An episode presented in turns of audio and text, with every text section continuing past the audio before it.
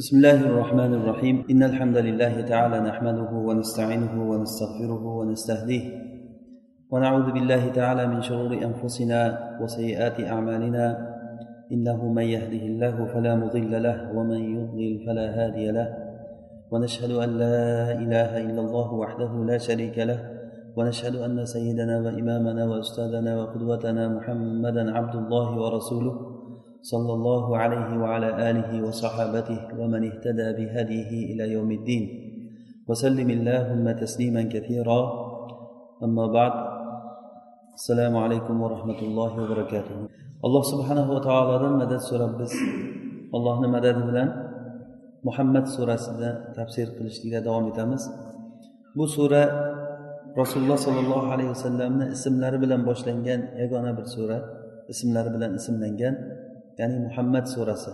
Bu sura shuni bayon qiladiki muhammad sollallohu alayhi vasallamni manhajiga tushmagan kishi najot topmasligi va odamlar ikki toifaga bo'linganligi buni uchinchisi yo'q. Ya'ni hamma odamlar ikki toifaga bo'lingan buni uchinchisi yo'q. Bir toifa bor rasululloh sollallohu alayhi vasallamga ergashgan va u kishining manhajlarida yurgan toifalar. Alloh subhanava taolo bizni hammamizni mana shu toifadan qilsin. Ikkinchi bir toifa bor tamoman bu yo'ldan yuz o'girgan. O'zlarini yo ochiqchasiga bu manhajga qarshi ekanligini oshkor aytgan yoki bo'lmasa ichlarida buni inkor qilib tashqarilarida buni munofiqlik qilib turib yashirib yurgan toifa. Bular ham o'sha kofirlar toifasidan bo'lgan bir munofiqlar deyiladi. Demak bu sura bizga boshdan boshlab odamlarni ikki bo'lakka bo'lib ikki sinfga bo'lib ajratib berdi. Uchinchisi yo'q buni. Bir toifa bor xolis bo'lgan mo'minlar ikkinchi toifa bor xolis bo'lgan kofirlar. Alloh subhanava taolo iymonni hech kimdan qizg'anmadi. Hech kimdan iymonni man qilmadi. Alloh taolo odamlarni hammalarini fitrat ustida yaratdi. Ya'ni bu fitrat degani haqni qabul qiladigan to'g'ri qilib yaratdi odamlarni. Qalblarida odamlarda nur yaratdi. Va lekin kimlar bo'lsa ataydan o'zlari xohlab mana shu nurni o'chirishlikka harakat qildi. Iflos bo'lgan yo'llarni izlab topdi. O'sha yo'llarga ergashishlikni kerak bo'lsa pul bilan sotib oldi o'sha yo'llarni. Harakat qildi qiynaldi. Faqatgina mo'minlar qiynalib haqda yurishlik uchun qiynalgan emas. Ollohni sunnati shuni xohlab qo'ydiki kufr yo'lida yurgan odamlar ham qiynalishligini ular mo'minlardan ko'ra ko'proq qiynalishligini alloh taolo xohladi. Olloh aytadiki in takunu ta'lamuna fa innahum ya'lamuna kama ta'lamun va tarjuna minallohi ma la yarjun. Agar sizlar qiynalib alam chekayotgan bo'lsanglar kofirlar ham qiynalyapti. Ular hozir biz voqeda ko'rib turibmiz ularni qiynalayotgan ekanligini. Lekin farqi shundaki mo'minlar ham qiynalyapti kofirlar ham qiynalyapti. Lekin o'rtadagi farqi shuki kofirlar mo'minlar umid qilgan narsani umid qilganiga qilganlari yo'q. Ya'ni jannatni. Mo'minlar ertaga biz o'lsak tagidan anhorlar oqadigan kengligi osmonlar va yerchalik bo'ladigan jannatga kiramiz deb umid qilib yashaymiz. Kofirlar bo'lsa nimani umid qilib yashaydi? Ularni bir ko'rgani mana shu dunyo. Lekin shu dunyoda ham ular qiynalib o'syapti. Agar sizlarga bir musibat yetgan bo'lsa sizlarni bir musibat sizlarni jarohatlagan bo'lsa ularni ham xuddi shunday musibatlar jarohatlagan. Mana atrofda ko'rmaysizlarmi? Kofirlarni farzandlari o'lmayaptimi? Kofirlar kasal bo'lmayaptimi? Kofirlar qiynalmayaptimi? Aksar qiynalgan odamlar bu kofirlar. Masalan xitoyni oling. Butparast butga ibodat qilagan xalq o'laroq ular adashgan bir millat. O'sha xalqni yashashini ko'ring. Hech bir kishi shu dunyoni istagan odam ham ularni yurishligini bir zarracha bo'lsa ham havas qiladi deb o'ylamaydi odam. Na bir yotish turishda tayin bor na bir ovqat yegan ovqatida tayin bor na bir gapini tayini bor na bir ishini tayini bor. Mana shular ham hayotda yashab o'tib ketyapti. Lekin buni muqobilida mo'min kishilarni alloh taolo qalblarini nurlantirib ularga hidoyatni berdi. Ya'ni fitratda bu odamlarni hammasini bir qilib qo'ydi va buni ustiga koinotda alloh taolo o'ziga dalolat qiladigan belgilarni alloh taolo yaratib qo'ydi. Aql egalari bu narsani ko'rib turib haqni ochiq ekanligini topa oladigan darajada bo'ldi. Xuddiki amr ibn os roziyallohu anhuni gaplariga o'xshab bir kishi aytdiki amr ibn osga sen shunchalik aqlli bo'la turib qanday qilib turib iymoning kechikkanligiga ajablanamiz biz. Sen shunchalik aqlli fikrli kishisan deganda aytgan ekanki bizga rais bo'lgan bizga boshliq bo'lib turgan qarri bir chollar shayxlar bor edi. Ularni aqllarini ahmoqlik egallab olgan ekan. Biz shu shayxlarni gapini gap deb yurgan edik keyin u shayxlar bizdan ketgandan keyin anna tabassorna keyin ular biz bizdan ketgandan keyin keyin biz qaradik deganlar. Qarasak haq judayam ochiq ekan degan. Alloh subhanava taolo mana shu haqni odamlarga ko'rsatishlik uchun kitoblar tushirdi payg'ambarlar yubordi. Va bu yuborilgan gapni juda ham eng go'zal gapni alloh taolo odamlarga tushirdi. Vallohu nazzala ahsanal hadis kitaban mutashabiha. Alloh taolo eng go'zal gapni so'zni tushirdi. Bu qur'on bu. Agar tilovat qilsangiz hech qachon tilovatidan odam zerikmaydi. Eshitsangiz qalblar go'zal bo'ladi. Yana ham ravshanlashadi nurlanadi. Ahsanul hadis ya'ni eng gapni go'zali bu ollohni kalomi qur'on bo'ladi. Alloh taolo mana shu qur'onni odamlarga nur va hidoyat qilib tushirdi. Hudan linnas va bayyinatin minal huda val furqon. Odamlarga bu qur'on hidoyat bo'lib va haq bilan botilni o'rtasini ajratadigan bir ajrim bo'lib bu qur'on tushdi. Demak kitobni tushirdi va payg'ambarlarga buni yetkazishlikni alloh taolo ularning vazifasi qilib qo'ydi. Fahal alar rusuli illal balag'ul mubin? Payg'ambarlarga faqat va faqat ularning vojibi odamlarga haqni ochiq yetkazishlik bo'yab ko'rsatishlik emas. Payg'ambarlar va ularning atbolari undan keyin payg'ambarlarni merosxo'rlari bularga alloh subhanava taolo vazifa qildiki haqni bayon qilishlikni. Balag'h ya'ni yetkazishlik yetkazganda ham mubin degani hech qanday yoshirmasdan ochiq yetkazish degani. Odamlarga haqni yetkazgan paytda yetkazish bilan yetkazishni farqi bor. Ba'zan haqni gapiruvchi kishi haq kalimani gapiradi lekin o'sha narsa odamlarga yetib bormaydi yoki bo'lmasa haqni bayin qilib ochiq qilib gapirmaydi qog'ozga o'rab paxtaga o'rab gapirilingan gap bo'lgandan keyin bu odamlarni qalbiga yetib bormaydi va bu odamlarga hujjat qoyim bo'lmaydi. Rasululloh sollallohu alayhi vasallam odamlarga haqni bayon qildilar. Bayon qilganda ham nihoyat darajada go'zal bayon qilishlikda bayon qildilar. Biror bir narsa qolmadiki rasululloh bayon qilmagan. Xuddiki salmonni hadisida kelganday yahudlar kelib turib salmon farisiy roziyallohu anhuga sizlarni bu payg'ambarlaring hamma narsani o'rgatdi sizlarga. Hattoki hojatxonada o'tirishni ham o'rgatibdi deganda ha xuddi shunday degan. Qiblaga qarab o'tirmaslikni va qiblaga teskari qarab o'tirmaslik hojatda. Va o'ng qo'limiz bilan hojatni tozalamaslikka buyurdi. Va kesak ishlatganda uchtadan kam kesak ishlatmaslikka buyurdi. Shu darajagacha aytilingan ya'ni inson hojatidagi holatlar kesak ishlatganda uchtadan kam kesak ishlatmaslikka buyurdi. Rasululloh sollallohu alayhi vasallam mana shunchalik darajada bayon qildilar haqni. Lekin shunday bo'la turib ham odamlar ikki toifaga bo'lindi. Bir toifasi bor uni kofirligi munofiqligi ochiq bo'lgan sof munofiq va kofirlar va ikkinchisi qalbi musaffo bo'lgan sof mo'minlar bu ollohni huzuridagi taqsim bu. Agarchi odamlarni huzurida odamlar har xil turli xil toifalar bo'lsa ham bir odamni ko'rasiz uni mo'minligini ham bilmaysiz kofirligini ham bilmaysiz bir qarasangiz iymonni davo qilib odamlarni da'vat qilayotganligini ko'rsangiz boshqa bir safar ko'rgan paytingizda ochiq kufr bo'lgan gapni gapirayotgan yoki bo'lmasa haqni dam u yoqdan dam bu yoqdan aylantirib yotganligini ko'rasiz.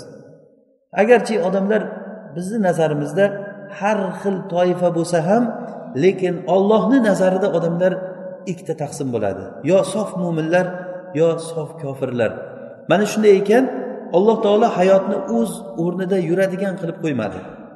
Ollohni kavniy sunnati shuni xohladiki odamlarni imtihon qilib ularni fitnalar bilan ularni balolashlik va mana shu fitnalarda xuddiki qozonda qaynaganday odamlarni hayot qozonida alloh taolo qaynatishlikni xohladi. Biz xohlaymizmi xohlamaymizmi? Mana shu qozonda qaynaymiz. Fitnalar kelaveradi fitnalar kelaveradi. Bu fitnani orqasidan boshqa bir fitna keladi. Xuddiki bu abdulloh ibn umar roziyallohu anhuni hadisida kelgan abu davud rahimaulloh bu hadisni chiqargan va hokim sahih degan imom zahabiy rahimaulloh bu hadisga sahihligiga muvofiq bo'lganlar va bu hadisda abdulloh umar roziyallohu anhu aytadilarki bir kuni biz rasululloh sollallohu alayhi vasallamni oldilarida o'tirgan edik. Rasululloh sollallohu alayhi vasallam fitnalarni juda ko'p aytdilar. Ko'p fitnalar haqida gapirdilar. Hatto rasululloh fitnatul ahlas deb gapirib berdilar. Shunda bir kishi turib ey rasululloh fitnatul ahlas bu nima deb so'radi? Hattoki arablarni o'zlari ham bu fitna nima ekanligini tushunmadilar. Fitnatul ahlas deb. Shunda rasululloh aytdilar ya'ni o'zi asli fitnatul ahlas degani lug'atda hilsun kalimasi egarni tagidan qo'yiladigan hayvonni ustiga qo'yiladigan bir lattani hils deb ataydi. Ya'ni bu bizni o'zbek tilida buni chirgi deb ham qo'yadi chirgi. Ya'ni egarni tagidan qo'yiladigan bir latta. Doim yopishib turganligi uchun hayvonni ustiga hech ajralmasdan yopishib turganligi uchun uni hils deyilgan. Yoki bir odam uyidan chiqmasdan hech ko'chaga chiqmay doim uyda yotgan odamni ham arablar fulanun hilsu baytihi deb ataydi. Ya'ni falonchi uyidan ajralmaydigan kishi degani. Yoki bo'lmasa bir oyoqni tagiga to'shab qo'yilgan bo'yrani ham hech bu olinmaydigan bo'yra. Masalan ba'zi bir to'shaklar bor kechqurun yozasiz ertalabda yig'ishtirib qo'yasiz. Tashlaysiz yana yig'ishtirasiz. Bu emas. Bu hils degani oyoq tagiga tashlanadi. To agar yuvishga olinmasa boshqa safar u olinmaydi. Oyoq tagida yerga bosilib yotaveradi qorayib ketadi ko'p ishlatilganligidan. Mana shuni arablar hils degan. Bu fitnatul ahlas deganligi shundaki kishini lozim tutganligi uchun va qorong'u bo'lganligi uchun haq bilan botil unda ravshan bo'lmaganligi uchun fitnatul ahlas deyilgan. Hali bir zamonlar keladiki fitnatul ahlas bo'ladi. Rasulullohdan so'radilarki ey rasululloh bu fitnatul ahlas bu nima? deganlarida aytdilarki harobun va harobun dedilar. Harobun va harobun ya'ni harobun degani odamlar qochib yurishligi bir biridan qochishligi va fitnalardan qochishligi bu xuddiki hozirgi zamonda gapirganga o'xshaydi. O'zi asli oti boshqa bo'lsa abdurahmon bo'lsa oting nima desa men abdul hakimman men yusufman deb birodariga o'zini ismini boshqacha ism bilan aytishligi hatto joyi kelganda tanimaslikka olib turib birodarini shu meni ko'rib qolmasin deb teskari qarab o'tib ketishlik bu ham bir harobni bir turi qochib ketishlikni ya'ni musulmonlar bir biridan qochadigan bo'lib qoladi. Haliku kofirdan qochishlikni qo'ying. O'zi kofirdan qochib turib hamma narsasini tashlab ketishligi hadisni davomidagi harobun kalimasi ya'ni harob deganligi ahlidan va molidan ajrash degani. Ya'ni mo'minlar shunday bir fitnaga uchraydiki odamlar ham bir biridan qochib ketadi ham molidan va ahlidan qochadi ajraladi ya'ni hijrat qiladi. Shu shu mana shunaqangi fitnalar kelib qoladi. Va undan keyin fitnatu sarro fitnatu sarro bu ya'ni buni ulamolar ikki xil tafsir qilishgan e, boylik ne'mati boylik fitnasi. Bu boylik eshiklari ochilib ketgandan keyin odamlar maishatga berilib qolgandan keyin haq ularni ko'zini oldida shunday pardalanib ko'rinmay qoladi. O'sha odamlar agar kambag'al bo'lib yurganda yaxshi yurishligi mumkin edi. Lekin boylik kelgandan keyin bu boylik u odamni ma'siyat ishlariga fujur ishlarga tortadi. Cho'ntagida puli bo'lgandan keyin qorni to'q bo'lgandan keyin bu inson fujur ishlarga qarab harakat qiladi. Mana bu fitna fitnatu sarroq. Bu fitnani qo'zg'ovchisi bu fitnani tutuni bir odamni oyog'ini ostidan chiqadi dedilar. Ya'ni buni dahoni dahon deganligi buni yo ba'zi abu dovudni rivoyatida daholuha deb kelgan. Bu fitnani ochiq bir ko'rib bo'lmaydi. Ya'ni buni tutuni rasulullohni ahli baytidanman deb davo qiladigan bir kishini oyog'ini ostidan chiqadi deganlar. Demak bu fitnani qo'zg'agan kishi ahli baytdanman degan odam bo'ladi. Yazumu annahu minni va laysa minni. Rasululloh aytdilarki u mendan ya'ni rasulullohni ahli baytidanman nasab jihatidan to'g'ri ahli baytdandir. Lekin u aslida mendan emas innama valiya al muttaqun dedilar. Meni valiyim taqvodor kishilar bo'ladi. U nasabi mendan bo'lishligi u hech narsani bayon qilib bermaydi. Mana bundan rasululloh bayon qilyaptilarki bu fitnani boshi bo'lgan kishi rasulullohni ahli baytidanman deb davo qiladigan odam bo'ladi. Demak ahli baytidanman deganligidan bilingki u odam iymonni davo qiladi. Iymonni davo qilib turib odamlarni noto'g'ri yo'lga chaqirib turib xuddiki boshqa hadislarda kelganday do'zaxga chaqiruvchi odamlar. Agarda kimda kim unga javob berayotgan bo'lsa odamlarni ushlab do'zaxga uloqtirib yuboradigan odamlar deyilgan. U mendan emas dedilar meni valiyim meni do'stim mendan bo'ladigan kishilar ular taqvodor odamlardir dedilar. Va undan keyin rasululloh sollallohu alayhi vasallam fitnatu duhayma deb aytdilar. Fitnatu duhayma bu shunday duhayma arab tilida tasg'ir siyg'asi deyiladi. Tasg'ir qilishlik arab tilida har xil maqsadlarda bo'ladi. Bu yerda hozir ta'zim uchun bo'lyapti. Ya'ni uni sha'nini uni holatini ulug'lash uchun. Shunchalik katta bir qorong'ulik o'zi adham degani arab tilida qora ma'nosida keladi. Duhayma deganligi bu dahma uni tasg'iri duhayma deganligi qora qora fitna deganligi uni ichida haq bilan botilni ko'rish qiyin degani. Uni ichida bu har bir ummatdagi har bir odamga yetib boradi degan. Birorta odam qolmaydi o'sha odamni yuziga bir shapaloq uradi deganday aytib berdilar. U fitnadan hech kim xoli qolmaydi. Lekin bu fitna tekkan odamlar bu fitna kimnidir moliga tegishligi mumkin. Molingizdan ajralib bu fitna sababli molingizdan ajralasiz. Fitna sababli farzandingizdan ajralasiz. Fitna sababli moli dunyoyingizdan yoki hovli joyingizdan vataningizdan ajralishligingiz mumkin. Lekin bu narsani eng yomoni xuddiki miqdat roziyallohu anhu rivoyat qilgan hadisda haqiqiy fitnaga tushgan odamlar bular dinidan ajralgan odamlar odam qiyinchilik kelgan paytda dinini sotib qo'yishlik bu narsa eng yomon baxtsiz odamlarni ishi bu. Alloh subhanahu va taolo mana shuni xohladi. Bu ilm bizga foyda beradigan ilm. Bu ilm bizga mana shunday fitna paytida biz nima qilamiz? Fitnani o'rganishlik boshqa lekin fitna bilan yashash boshqa narsa. Inshaalloh bu darslarimizni davomida e, yana ham bu narsa bizga inshaalloh ochiq oydin bo'lib ketaveradi. Rasululloh sollallohu alayhi vasallam aytdilarki ummatdan biror bir kishi qolmaydiki illo o'sha odamga bu fitna yetib boradi dedilar. Ani endi tugadi deyilinsa orqasidan yana bir boshqa fitna chiqadi. Ya'ni bu ketdi deyilinsa tamadat va fi rivoya tamaddat ya'ni ketdi deyilinsa bu yana ham uzunlashib yoki boshqa rivoyat tamaddat degani yana ham kuchiga kuchiga quvvat qo'shilib bu fitna yana ham kattarib ketar ekan. Fitnani orqasidan fitna hattoki bir kishi ertalab uyidan mo'min bo'lib chiqib kechqurun kofir bo'lib qaytib kelar ekan. Yoki kechqurun mo'min bo'lib uxlab ertaminanda to'shagidan kofir bo'lib turib ketib qoladi. Bu shunchalik darajada fitna ashiyatan va duhaha tez kelishligiga kinoya bu. Va mana shundan oldin fitnati duhaymadan oldin rasululloh sollallohu alayhi vasallam aytdilarki keyin odamlar hech arzimaydigan bir odamni o'zlariga rahbar qilib oladi dedilar. Ya'ni odamlar o'zlariga bir odamni boshliq qilib oladilar arzimaydigan bo'lmaydigan. Ya'ni kavarikin ala deb kelgan tabirida bu degani arab tilida bu noloyiq joyga qo'yilgan narsani aytiladi kinoya gap. Ya'ni odamlar o'zlariga boshliqlikka rahbarlikka arzimaydigan odamni o'zlariga shu rahbar bo'lsin deb oladilar mana bu ham katta fitnani dedi keyin bu odam nima qiladi? Odamlarga botilni haq deb ko'rsatadi haqni botil deb ko'rsatadi.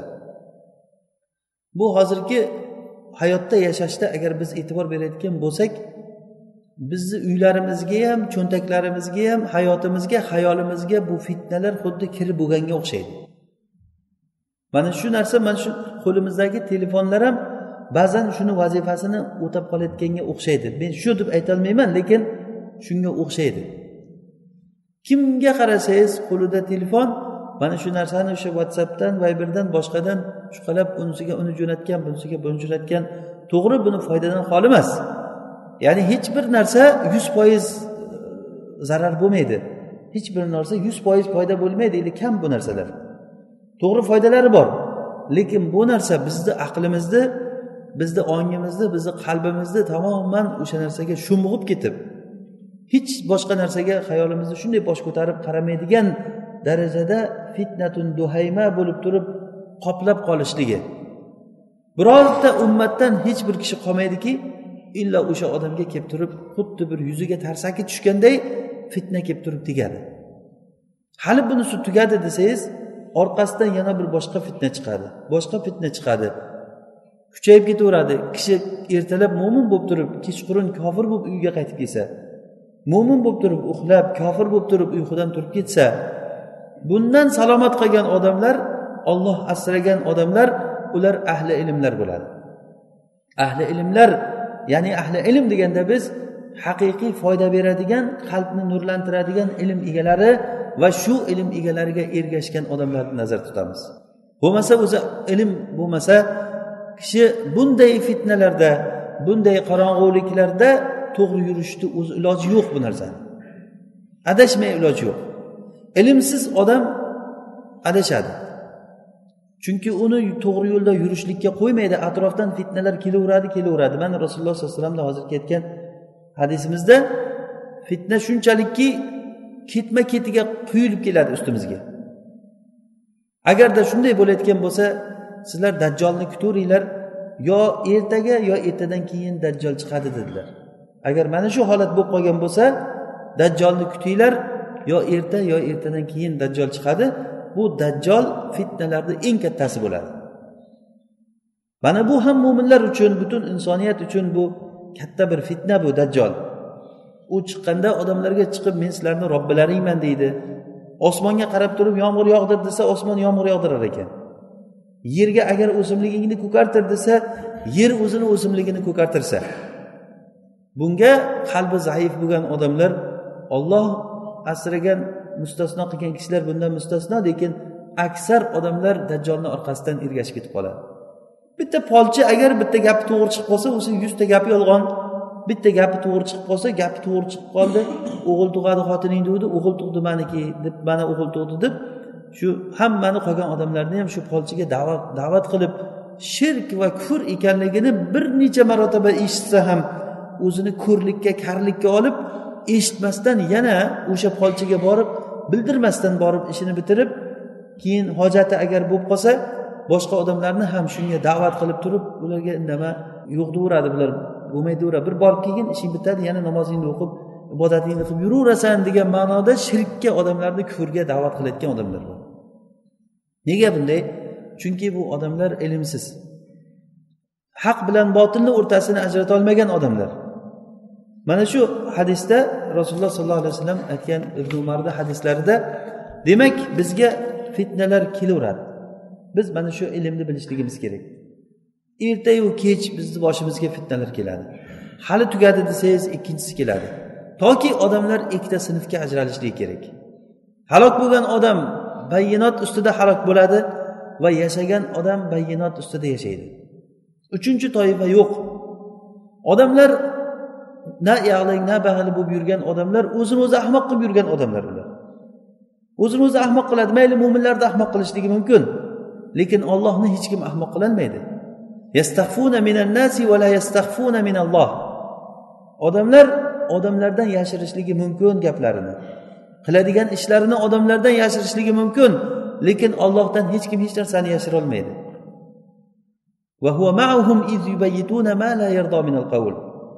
Olloh rozi bo'lmaydigan gaplarni gapirayotgan paytda alloh taolo ular bilan birga o'tiribdi. Hozir alloh subhanava taolo bizni bilib turibdimi yo'qmi? Hozir masjidda bilgan olloh uyingizga borganingizda sizni bilmaydimi? Yoki boshqa bir munofiqlar o'zini munofiqligini qilib turib mo'minlar orqasidan har xil hiyla nayranglarni qiladigan paytda ular ollohdan qo'rqmaydimi? Olloh bilmayapti deb o'ylaydimi? Xuddi shunday ular olloh bilmaydi deb o'ylaydi. Mana bu ollohni bilmaydi deb o'ylaganligi ollohga bo'lgan yomon gumonlari.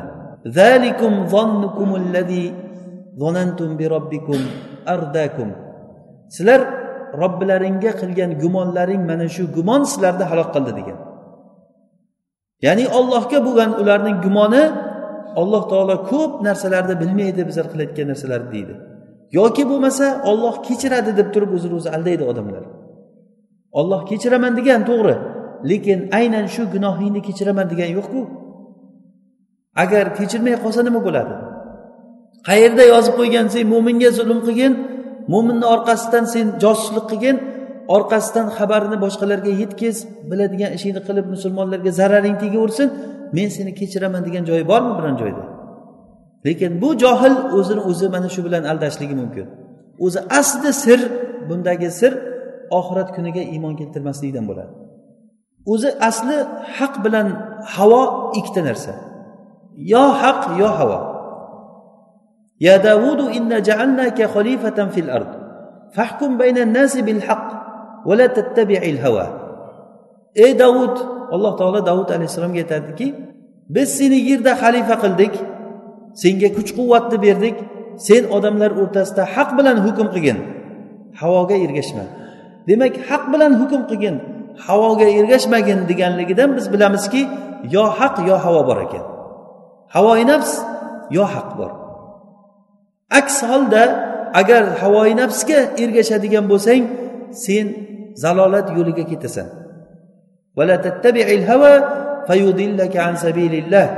Ollohni yo'lidan seni adashtiradi. An sabilillahi lahum adabun shadid bima nasu yawmal hisab. Ollohni yo'lidan adashgan odamlarga ularga qattiq qiyomat kunida qattiq azob bor. Ularga qiyomat kunida qattiq azob bor va shu dunyoda ham azob bor ularga. Ollohni yo'lidan ollohni shariatidan yuz o'girgan odamlar bularga shu dunyoda ham qattiq azob bor. Ularga shu dunyoda dong tang hayot bor. Ularga xorlik bor. Ularga ollohni g'azabi va ollohni la'nati bor. Shu dunyoda ham oxiratda ham. Bundan ko'ra boshqa bir yomon gapni gapirishlik qiyin endi. Bular nima uchun? Hammasi ollohni shariatini istamagan odamlar uchun. Olloh istisno qilgan mo'min kishilar bundan mustasno. Aksar odamlar ich ichidan ollohni shariatini xohlamaydi. Ollohni shariatini hozir shu bugunga mos kelmaydi deydi yoki bo'lmasa tamoman bu shariatlar qolib ketgan bir sarqit eskichilik sarqitlari yo arablardan bizga kelib qolgan bir narsalar deydi. Bu odamlar oxirat kuniga iymon keltirmagan ollohga va payg'ambarlarga iymon keltirmagan odamlar. Agarchi tilida men musulmonman deb ming marta million marta aytsin ham lekin ollohni huzurida ular mo'min emas ular. Chunki ollohga iymon keltirgan odam hech qachon ollohni shariati turgan paytda ollohni shariatidan boshqa bir hukm bilan hukm qilishlikka jur'at qilolmaydi agar mo'min bo'layotgan bo'lsa. Xuddiki davud alayhissalomga alloh taolo aytgandek ey davud haq bilan hukm qilgin havoyi nafsga ergashmagin deyapti. Demak haq bilan hukm qilishlik havoyi nafsga ergashishlik ikkovsi ikki boshqa yo'l degani bu. Kimda kim havoyi nafsiga ergashdimi u albatta adashadi. Har bir narsada bu.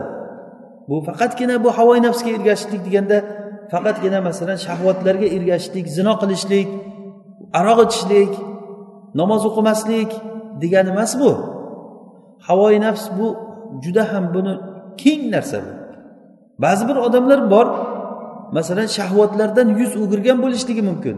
Masalan buni ko'proq biz tasavvuf ahlida ko'ramiz. Tasavvufman deb davo qilgan odamlarda ko'ramiz. Juda ham liboslariga qarasangiz keltirgan kelishgan liboslar kiyib islomiy libosdaman deb yuradi.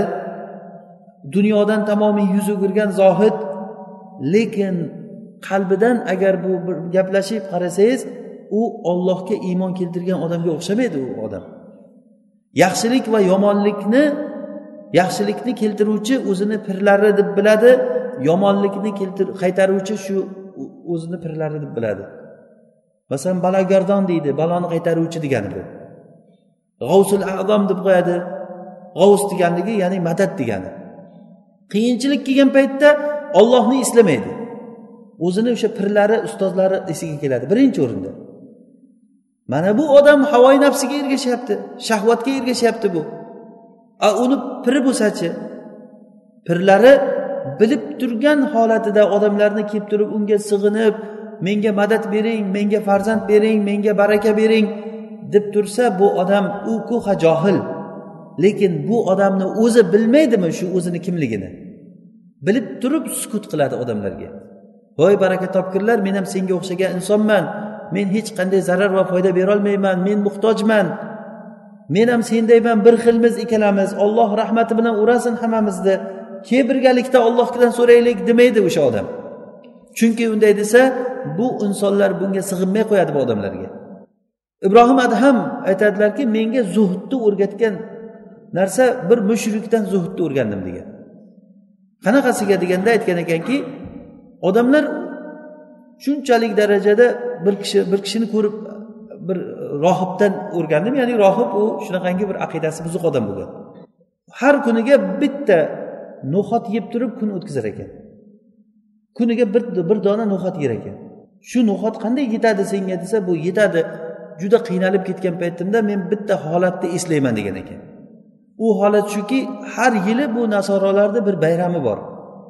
O'sha bayrami kunida meni olib chiqib o'rtaga qo'yib atrofimni aylanib tavof qilishadi.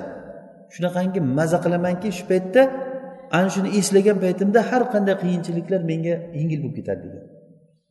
O'sha shahvat uchun bir yilda bir marta bo'ladigan odamlarni qiladigan tavofi uchun haligi odam qiyinchilikka shunday chidaveradi o'zini zohid qilib ko'rsatadi. Uylanmaydi. Uyi yo'q joyi yo'q. O'sha savmaasida ibodatxonasida doim zikr qilib ibodat qilib yotadi o'sha yerda. Na yegan narsasini tayini bor na bir yotish turishini tayini bor. Lekin uni shahvati nimada? Uni shahvati odamlar unga sig'inishligida.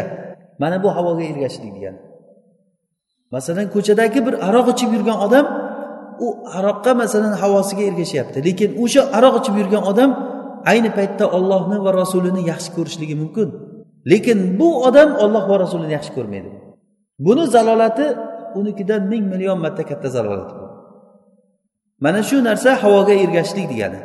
Demak biz bildikki yo haqqa ergashadi odam yo botilga ergashadi. Botilga ergashishlik olloh asrasin asosiy sababi buni qiyomat kunini unutishlik bo'lyapti. Odamlar qiyomat kunini unutgandan keyin hamma yomonlik mana shuni orqasidan kelib chiqadi. Butun yomonlikni hammasi oxiratga ishonmaslikdan kelib chiqadi. Keyin u ollohni shariatini istamaydi. Chunki oxiratga ishonmagan odamlar ollohni shariatini yomon ko'radi. Ollohni shariatini qiladigan odamlarga dushmanchilik e'lon qilib turib ularni azoblab ularni yo'lidan qaytarishlikka harakat qiladi va bundan ham yomoni ollohni zikr qilishlikni yomon ko'radi va zikr qilgan odamlarni ham yomon ko'radi. Shu darajagacha yetar ekanki agar uni oldida olloh zikr qilinsa siqilib u odam chidolmay ketadi.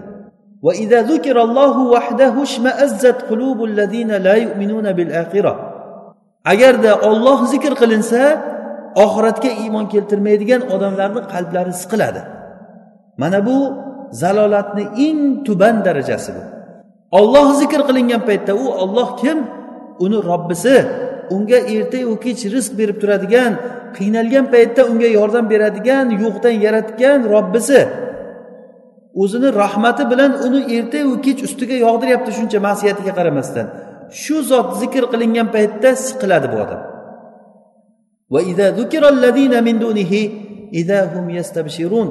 Agar ollohdan o'zga boshqa narsalar zikr qilinsa ular xursand bo'lib qalblari ravshan bo'lib yayrab ketadi. Nega bunchalik darajada bo'ldi? Nima shunchalik darajada? Alloh taolo ularga yomonlik qilganmi? Nega olloh zikr qilinsa bunchalik qalblari siqiladi? Sababi oxiratga ular qiyomat kuniga iymon keltirmasliklari. Demak birinchi qadamda biz oxiratga ollohni oldida yo'liqishlikka iymon keltirishligimiz kerak. Mana bu iymonimiz bor alhamdulillah. Lekin shu iymonni yana kuchaytirish kerak. Ya ayyuhallazina amanu aminu. Ey iymon keltirganlar iymon keltiringlar. Ya'ni iymonlaringda mustahkam sobit bo'linglar. Fikr qilaylik tadabbur qilaylik tazakkur qilaylik zikr qilaylik eslaylik. Mana shu qiyomat kuni bir kun ollohni oldida turamiz hammamiz. Ollohni oldida turgan paytda yalang'och yalang oyoq bosh yalang holatda hech narsamiz bo'lmagan holatda. Hufatan uratan g'urlan rasululloh aytdilarki odamlar qiyomat kunida yalang'och holatda yalang oyoq holatda va xatna qilinmagan holatda ya'ni onadan qanday tug'ilgan bo'lsa xatna qilingan joylari ham joyiga qaytib kelib turib xuddi o'sha holatda ollohni oldida turadi va qaysi bir gapni gapirgan bo'lsangiz bilingki o'shanga javob berasiz. Qaysi bir ishni qilgan bo'lsangiz o'sha narsaga javob berasiz. Mana shu kunni yaxshilab eslasangiz keyin nima desangiz qilavering nima desangiz deyavering o'zingiz bilasiz. Shuni yetkazishlik payg'ambarlarga va payg'ambarlarga ergashgan rabboniy da'vatchilarni vazifasi mana shu kunni eslatib qo'yishlik odamlarga. Odamlar eslaydi eslatilingan paytda. Esladingiz bildingiz bilib bo'lgandan keyin zalolatga qarab yurdimi odam bo'ldi u, odamni yo'lini to'smang endi.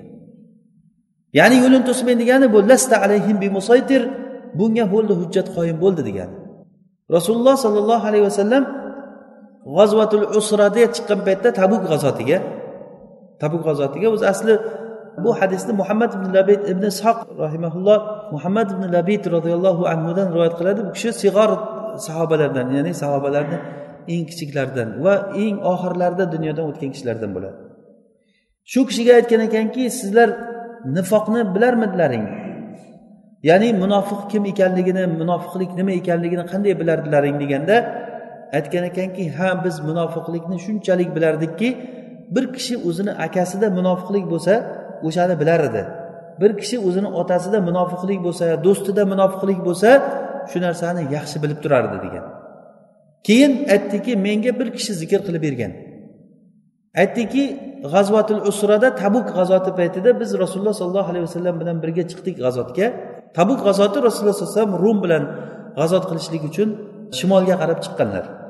Shunda samud diyoridan o'tib qoldik hijr degan joydan. Hijr degani samud e, diyorini joyi ismini oti. O'sha yerdan o'tgan paytimizda rasululloh sollallohu alayhi vasallam u yerni suvini ishlatishlikdan bizni qaytardilar. Suvni ichmanglar va suvni ishlatmanglar. Ba'zi bir odamlar shu suvni olib xamir qilib qo'ygan ekan. Agar xamir qilib qo'ygan bo'lsalaring bu xamirlarni hayvonlarga berib yuboringlar o'zlaring yemanglar dedilar. Ollohni g'azabi tushgan joydan sizlar yig'lagan holatda o'tinglar. Agar yig'lay olmasanglar o'zlaringni yig'lamsirab o'tinglar yig'laganga olib o'tinglar dedilar. Keyin u joydan o'tib bo'lgandan keyin mo'minlar juda suvsizlikdan qiynalgan paytda rasululloh sollallohu alayhi vasallam duo qildilar. Duo qilgan paytlarida osmonga bulut kelib turib yomg'ir yog'di odamlar hammalari idishlarini suvga to'ldirdi hayvonlarni sug'ordi o'zlari ichdilar. Shunda odamlar ichida bir munofiqlik bilan tuhmat qilingan bir odam bor edi. Shunga borib turib ko'ryapsanmi qara payg'ambarni haqligini? Mana u kishi ichma dedilar suvdan biz ichmadik keyin duo qildilar mana yomg'ir yog'di ko'ryapsanmi haqni deganda bu haq bo'ldimi shu ham bir bulut kelib yomg'ir yog'yaptida degan. Mana shu joyida bizga. Bulut kelib yomg'ir yog'yaptida deb. Haq shunchalik vodih bo'lgan paytda iymonli odamlarda hech rasulullohni rasul ekanligida shubha qolmadi. Rasulullohni rasul ekanligida shubha qolmadi. Lekin munofiqni nifoqi yana ziyoda bo'ldi. Biz boshida darsimiz boshida aytgan narsamiz odamlar ikki sinfga bo'linadi boshqa nimasi yo'q. O'sha nimada? Hadisda ibn umarni hadisida rasululloh sollallohu alayhi vasallam aytdilarki odamlar ikki toifa bo'lib qoladi ikkita chodirni tagiga kiradi dedilar. Ya'ni hatta yasiranas ala fustotayni deganlar. Fustot bu xoyma chodir. Ikkita chodirni tagiga kiradi bittasi unda munofiqligi bo'lmagan xolis iymon. Alloh taolo hammamizni shu chodir ostida qilsin. Ikkinchisi unda iymoni bo'lmagan xolis nifoqni chodiri dedilar. Mana shu fitnalar judayam avj olgan paytda odamlar xolis ikkiga bo'linadi. Bir toifa xolis mo'minlar ular juda ham kamchilik bo'ladi. Ular payg'ambar sollallohu alayhi vasallamni manhajida yurgan odamlar bo'ladi. Ular haqni istagan odamlar bo'ladi. Siz qalbingizdan haqni istang haqqa yurishlikni ixtiyor qiling alloh taolo hidoyatlamaslikdan mukarram bo'lgan zot. Hech qachon olloh haqni istagan odamni haqdan mahrum qilmaydi. Bu aniq ishonavering mana shu narsaga. Lekin kim adashadi? O'zini ko'rga solgan odam adashadi. O'zini karga solgan odam adashadi. Zalolatga kirib men shu halok bo'laman degan odam adashadi. Rasululloh sollallohu alayhi vasallam aytdilarki men sizlarni shunday bir yo'lda tark qilyapmanki uni kechasi xuddi kunduziga o'xshaydi. Unda faqatgina halok bo'lgan odam bu yo'lda halok bo'ladi. Ya'ni o'zini halokatga tashlagan halok bo'lishligiga rozi bo'lgan odam halok bo'ladi. Bunda faqatgina rasulullohga ergashgan rasulullohni manhajida yurgan odamlargina bu yo'lda najot topadi. Demak biz hozir aytgan nimamizda munofiq kishini munofiqligi ochiq bo'ldi. Mana shu haq bayon bo'lgandan keyin odamlarni payg'ambarni vazifasi o'sha joyda tugaydi. Haqni bayon qilib bo'lgandan keyin. Rasululloh sollallohu alayhi vasallam shu ibn ishoq keyin zikr qildilarki yana rasululloh sollallohu alayhi vasallam yurib ketdilar o'sha g'azotda. Bu g'azot qiyinchilik g'azoti deb ismlangan. Issiq paytida chiqilinganligi uchun odamlar xurmolar g'arq pishib turgan uydan chiqqisi kelmaydigan holatda bo'lganligi uchun. Mana shu holatda bo'lganligi uchun judayam qiyinchilik holati.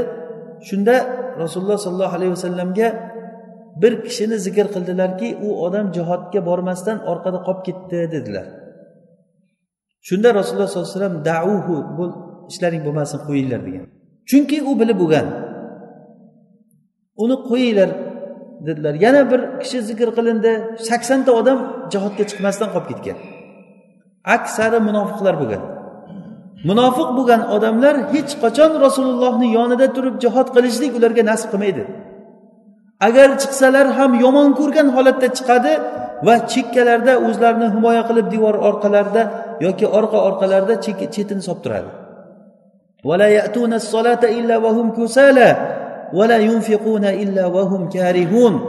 ular namozga kelsalar ham yoqtirmasdan namozga kelishadi. Va agarda nafaqa qilsalar ham nafaqa qilmaydilar o'zi. Agar nafaqa qilsa ham yomon ko'rib nafaqa qiladi. Yoqtirmasdan shu beradigan odamini ham jerkib yomon ko'rib nafaqa qiladi. Hattoki rasululloh bilan birga safarga chiqmasdan orqada qolib ketganligiga ular xursand bo'lishadi. Farihal mukhallafuna bimaq'adihim khilafa rasulillah va karihu an yujahidu fi sabilillah. Rasululloh bilan safarga birga chiqmasdan ortda qolgan odamlar xursand bo'ldilar biz bopladik. Mana salqin joylarda o'tiribmiz yuribdi hammasi qiynalib nima qilganligini bilmasdan deb xursand bo'ldilar ular. Va aytishdiki issiqda chiqmanglar. Boshqalarni ham da'vat qildi bu narsaga. O'zlariku chiqishmaydi lekin boshqa chiqqan kishilarni ham chiqma o'lib ketasan qiynalib ketasan u bo'ladi bu bo'ladi deb turib rasululloh bilan birga chiqqan odamlarni ham qaytarishlikka harakat qildi.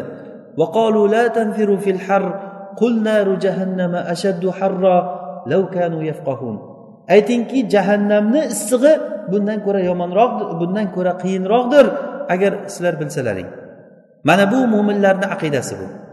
Mo'minlar nima uchun rasululloh bilan issiqni issiq demay sovuqni sovuq demasdan qiyinchilikni qiyinchilik demasdan rasululloh bilan birga chiqishadi? Chunki ular oxiratga iymon keltirgan odamlar. Ular jahannamni azobi qattiq ekanligini yaxshi bilishadi. Mana shu ortda qolgan kishilardan bittasi abu zar roziyallohu anhu ham ortda qolib ketgan. Sahobalar aytishdiki rasululloh abu zar ham qolib ketibdi chiqmadi dedilar. Shunda rasululloh aytdilarki dauhu deganlar. Qo'yinglar uni. Agarda u nasibasidan bo'lsa sizlarga alloh taolo olib kelib qo'shadi sizlarga degan.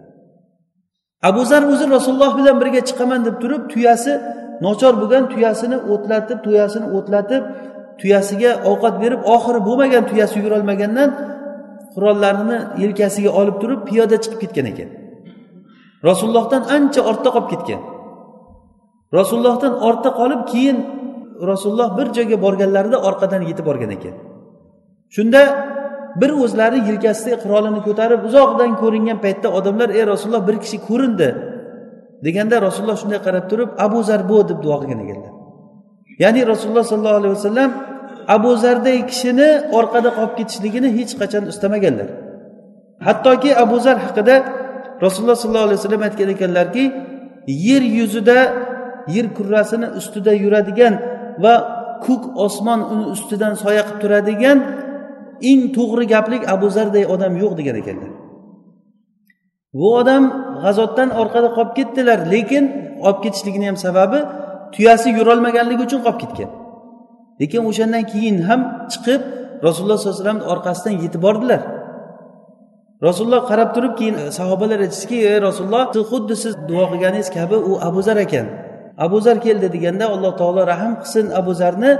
Yolg'iz o'zi yuradi yolg'iz o'zi yashaydi yolg'iz o'zi o'ladi qiyomat kuni yolg'iz tiriladi degan ekanlar. Xuddi rasululloh aytganday bo'ldilar. Usmon ibn affon roziyallohu anhuni xilofat davrlarida u kishi rabza degan joyga yolg'iz o'zlari yashab bir chekkaroq joyga chiqib ketdilar. Va o'sha yerda u kishini o'limi yetdi o'limi yetgan paytda u kishini bitta xizmatchi quli bilan xotini bor edi. Meni yuvib kafanlaylardan keyin ko'mishga kuchi yetmaydi ikkalasini shunda karvonlar o'tadigan joyga meni chiqarib qo'yinglar. Agar birorta kelsa aytinglarki mana bu rasulullohni sohibini jussasi bu. Shuni ko'mishga yordam qilinglar deb aytinglar degan ekanlar. Xuddi aytganday chiqarib qo'ygan kechqurun bo'lganda kufadan keladigan karvon umraga ketayotgan bo'lgan. Robzadan o'tishda haligi ko'rmasdan tuya mayitni bosib yuborishga sal qolgan ekan. Ya'ni qorong'u payti bo'lgan. Shundan keyin haligi g'ulomi ko'rib qolib turib bu rasulullohni sahobiysi abu zarni jussasi bo'ladi.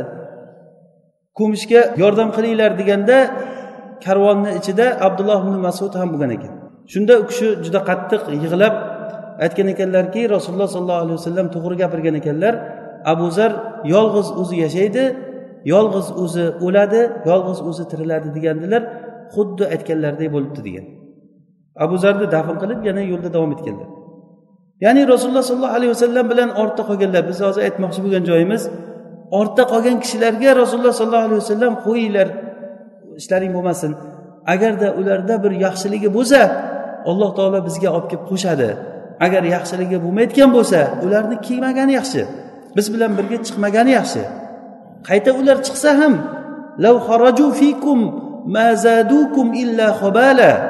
agar ular sizlar bilan chiqadigan bo'lsa ham sizlarga faqat zarar beradi. Mo'minlarni qo'rqitadi. Bir qiyinchilik bo'lgan paytda mana nima bo'ldi? Mana aytuvdim sizlarga chiqmaylik desam chiqamiz deysizlar mana endi nima bo'ldi? Endi nima bo'ldi? deb doim mo'minlarni qachon mo'minlarga bir shunaqangi bir fursat bo'lsa o'sha holatda kelib turib mo'minlarga zarar berib ular xalaqit beradi.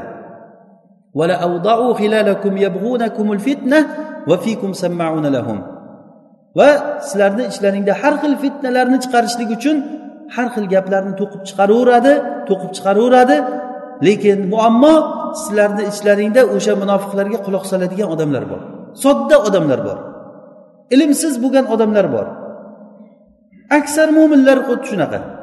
Ilmsiz muxlis bo'lgan sodda bo'lgan gumroh mo'minlar har qanday fitnachi bir narsani gapirsa ishonib o'shani gapini tasdiqlab e bunaqa ekan bunaqa ekan deb ketaveradi. Sabab nima?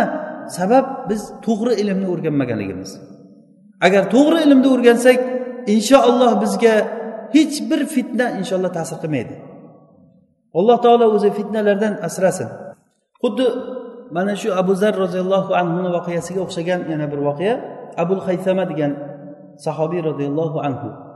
Rasululloh sollallohu alayhi vasallam g'azvati tabukka chiqib ketgan paytlarida abul haysama ortda qolgan chiqmay qolgan ekanlar keyin chodirlar ikkita chodir bor ekan ikkita xotini bo'lgan. Kelsa salqinda ikkita xotin suvlarni sovutib har xil mevalarni qo'yib chodirda kutib o'tirgan bo'lgan. Shunday chodirni oldiga kelgan paytda u kishini miyasi ochilgan ekan. Aytdilarki bu nima ahvol? Rasululloh issiqda ketyapti. Abu haysama bo'lsa chiroyli xotinlarni oldida salqinda suvni oldida chodirni tagida yotibdimi? Vallohi bu insof emas degan. Men ikkalalaringni ham oldlaringga kirmayman tez meni tayyorlanglar safar jihozlarimni degan. Tezlik bilan xotinlari tayyorlab berganda rasulullohni orqasidan borib rasululloh sollallohu alayhi vasallamga yetishib olgan ekan. O'sha kishi haqida ham rasululloh sollallohu alayhi vasallamga aytilganda xuddi abu zarga aytgan gapni aytganlar. Bo'pti indamanglar deganlar unga ham. Lekin u kishini haqlariga ham rasululloh sollallohu alayhi vasallam duo qilganlar. Demak bu narsa shuki alloh taolo har xil fitnalarni keltirib har xil fitnalardan biz g'alvirdan o'taveramiz g'alvirdan o'taveramiz toki mo'minlar sof yo mo'minga yo sof munofiqqa odamlar ajralguncha lekin o'shanday ajralguncha biz hech qachon tinch bo'lmasligimiz kerak xotirjam bo'lmasligimiz kerak. Mana shu bizga foyda beradigan ilm bizga foyda beradigan narsa doim biz qalbimizni tekshirib turishligimiz kerak. Abu huzayfat ibn utba utbat ibn robia abu huzayfa bu kishi sahobiy fozil sahobalardan bo'lgan. Boshida o'sha musulmonlar arqam ibn abil arqamni hovlisiga kirishlikdan oldin ya'ni islomni avvalida islomga kelgan kishilardan. Islomga kelgan ko'p mavqiflari bor u kishini. Shu kishi rasululloh sollallohu alayhi vasallam badr g'azoti bo'lgan paytda aytdilarki badr g'azotiga hozir mushriklar tarafidan abbos chiqib kelyapti. Va abul buxtariy ibn hisham shu ikkalasi musulmon bo'lib turib kofirlarni qistovi bilan chiqib kelyapti ularni ko'rsanglar o'ldirmanglar degan ekanlar ular musulmon lekin majburan kofirlar tarafidan chiqib kelyapti deganda abu huzayfa aytgan ekanki biz o'zimizni akalarimizni o'ldirsak o'zimizni otalarimizni o'ldirsak do'stlarimizni o'ldirsak abbosni nima uchun o'ldirmas ekanmiz? Vallohi agar abbos meni oldimdan chiqsa shunday og'zidan qilichni solaman degan ekan.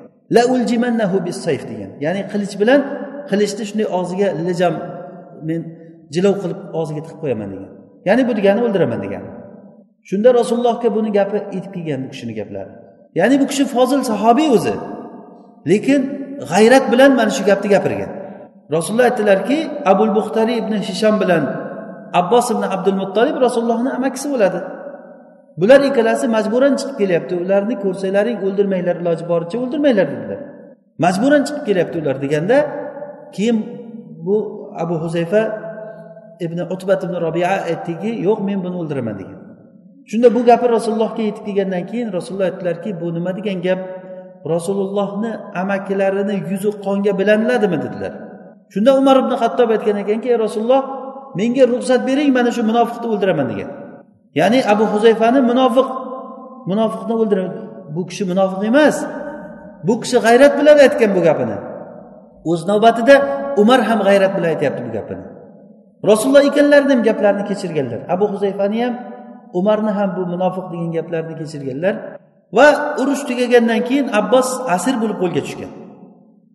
Asir bo'lib qo'lga tushgandan keyin rasululloh sollallohu alayhi vasallam fidyangni endi sen kofirlar tarafidan kelding fidya to'la degan. Boshqa mushriklar kabi fidya to'laysan degan amakisiga shunda u kishi aytganki men majburan chiqib keldim musulmon edim degan. Majburan chiqib keldim deganda rasululloh aytdilarki sen ularni jamoasini ko'paytirib bizga qarshi u tomonda kelding. Keyin cho'ntagini ko'rsa cho'ntagidan yigirma misqol tillo chiqqan ekan. Abbosga aytgan ekanlarki sen o'zingni va ikkita jiyaningni va bitta halifi bor ekan ittifoqchisi o'shani ham sen nimasini to'laysan to'rt kishini diyasini sen to'laysan degan ekan. Keyin abbos aytgan ekanki hech bo'lmasa shu cho'ntagimdan chiqqan tilloni ham shu fidyaga hisoblanglar deganda yo'q bu musulmonlarga ollohni bergan bu o'ljasi bo'ldi. Buni hisobga qo'shmaymiz degan ekanlar alohida to'laysan deb turib to'rt kishini diyasini to'latgan. Shu haqida alloh taolo oyatda tushirdiki ya ayyuhan nabiyyu qul liman fi aydikum minal asra. In ya'lamillahu fi qulubikum khayran yu'tikum khayran mimma ukhidha minkum va yaghfir lakum. Ey payg'ambar qo'lingizdagi asirlarga ayting abbosga o'xshaganlarga. Ular iymonni davo qilyapti. Agar olloh sizlarni qalblaringda yaxshilikni bilsa sizlardan olingan narsadan ko'ra yaxshirog'ini sizlarga beradi degan. Vallohi olloh bergan ularga yaxshiroq narsani. Abbos aytadiki menga olloh taolo berdi olingan narsadan ko'ra yaxshiroq narsani berdi degan. Bir kuni bahrayndan kelib qolgan o'ljalar kelib qolgan unaqangi o'lja hech qachon ko'rilmagan ekan. Hattoki rasululloh musulmonlarga u g'animatni sanab bermagan ekanlar hovuchlab bergan ekanlar. Haligi tilla kumushlar turgan joyda hovuchlab hovuchlab solib bergan ekanlar. Shunda abbos kelib turib esingdami men badrda to'laganim? degan ekan.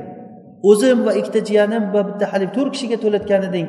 Endi bugun shuni yaxshiligini menga qaytargin deganda rasululloh oling degan ekan. Qancha olsangiz oling deganda shunday bir material nimani matoni tashlab qo'yib hovuchlab tashlab tashlab tashlab to'ldirgandan keyin keyin ko'tarolmay qolgan ekan. Keyin rasulullohga qarab turib bironta odam chaqirgin menga ko'tarishib yuborsin deganda yo'q chaqirmayman o'zingiz ko'taring degan. Keyin bo'lmasa o'zing kelib ko'tarish degan rasulullohga. Amakisi ko'tar yo'q men ham ko'tarishmayman o'zingiz ko'tarasiz degan. Shunda hovuchlab yana olib tashlab ko'tariladigan darajada bo'lib turib zo'rg'a ko'targandan keyin zo'rg'a ko'tarib masjiddan chiqib ketib ko'rinmay ketguncha rasululloh orqalaridan qarab qolgan ekanlar. Ya'ni bu abbos o'shanda aytgan ekanlarki vallohi menga olloh mendan ketgan narsadan ko'ra yaxshirog'ini berdi o'zi degan o'sha uchun olgan ollohni fazlini ko'rsatib qo'yishlik uchun olgan u kishi ham. Ya'ni alloh subhanava taoloni bu va'dasi sizlardan olingan narsadan ko'ra yaxshiroq narsalar sizlarga beriladi degan. Bu ollohni fazli bu. Ya'ni e, bu voqeamiz boshqa yoqqa burilib ketdi. Abu huzayfa haqida ketyapti gap. Abu huzayfa ibn utbat ibn robia abbosni o'ldiraman degan kishi. Bu kishi mana shu gapni xato gapirib qo'yganligiga aytgan ekanki men bu munofiqlik gapni rasulullohni o'ldirmanglar degan gapiga men o'ldiraman deganligim uchun doim o'zimni hech qachon kechirmaganman degan. Ollohdan faqat bitta narsani umid qilardim. Agar men shahid bo'lib o'lsam olloh meni kechirsa kerak deb o'ylardim degan. O'zi asli rasululloh sollallohu alayhi vasallam u kishini kechirganlar u kishini haqqiga yaxshilik bilan duo qilganlar. Lekin u kishi o'zini o'zi kechirmagan. Hattoki yovmul yamama kunida murtadlar bilan bo'ladigan payg'ambarman deb davo qilib chiqqan musaylamatil kazzobni nimasi jamoasi bilan urushgan paytda u kishi shahid bo'lib o'ldilar. Ya'ni mana shunchalik darajada bitta gapni xato gapirib qo'yganligiga u kishi o'zini o'zi kechirmasdan toki men shahid bo'lsam olloh meni kechirsa kerak deb o'yladilar mana bu sahobalarni o'zini iymoniga bo'lgan qo'rqinchi shunday bo'lgan. Biz nimaga xotirjammiz? Ibn mojah rahimaulloh o'zlarini sunanida fitan kitoblarida bob ajratib aytdilarki fitna paytida tilni tiyish bobi deb keltirganlar. Fitna paytida tilni tiyish. Bu biz uchun eng katta foyda bo'ladigan ilm shu. Tilni tiyishlik. Har kim har xil narsani bilgan bilmagan gapini gapiraverish kerak emas. Bo'lib ham ulamolar haqida gapni gapirishligi eng xalqni fozili bo'lgan olimlarni so'kishlikka tilni o'rgatib olishligi ulamolarning go'shtlari zaharlangan. U olim adashgan bu olim kofir u u bu bu. O'zing nimani bilasan? Bir oyat o'qiy olmasa o'zi. Qur'onni vallohi bitta surani yaxshi o'qib berolmaydigan odam olimlarni ajratadi. U unday bu bunday bu mana bu joyda kalla qo'ygan bu mana bu joyda kalla qo'ygan. Uni ham nimalari ko'p buni bu narsalari ko'p. Senga qoldimi shu narsani qilishlik? Shuni yechimi senga qoldimi? Sen o'zingga foydali bo'lgan narsa bilan shug'ullanmaysanmi? Muhammad al g'azzoliydan namozni tark qilgan odamni hukmi nima deb so'raganda aytgan ekanlar namozni tark qilgan odamni hukmi uni qo'lidan yetaklab masjidga borishliging degan. Sen jallod va qozi bo'lma da'vatchi bo'l degan. Mana bu narsa bizga foydali bo'ladigan ilm. Fitna paytida bizni eng biz uchun vojib bo'lgan narsa tilimizni tiyishligimiz kerak. Har xil gaplarni gapiraverish kerak emas. Gapirsangiz ilm bilan gapiring. Bilib gapiring gapirayotgan gapingizni. Ana o'shanda siz inshaalloh salomat qolasiz. Inshaalloh bu suhbatimizni davom bir alloh subhanava taolo hammamizni to'g'ri yo'lda sobit qadam qilsin. Rasululloh sollallohu alayhi vasallamni manhajlariga ergashishlikni alloh taolo o'zi nasib qilsin subhanakallohumma va bihamdik nashhadu an la ilaha illa ant nastag'firuka va natubu ilayk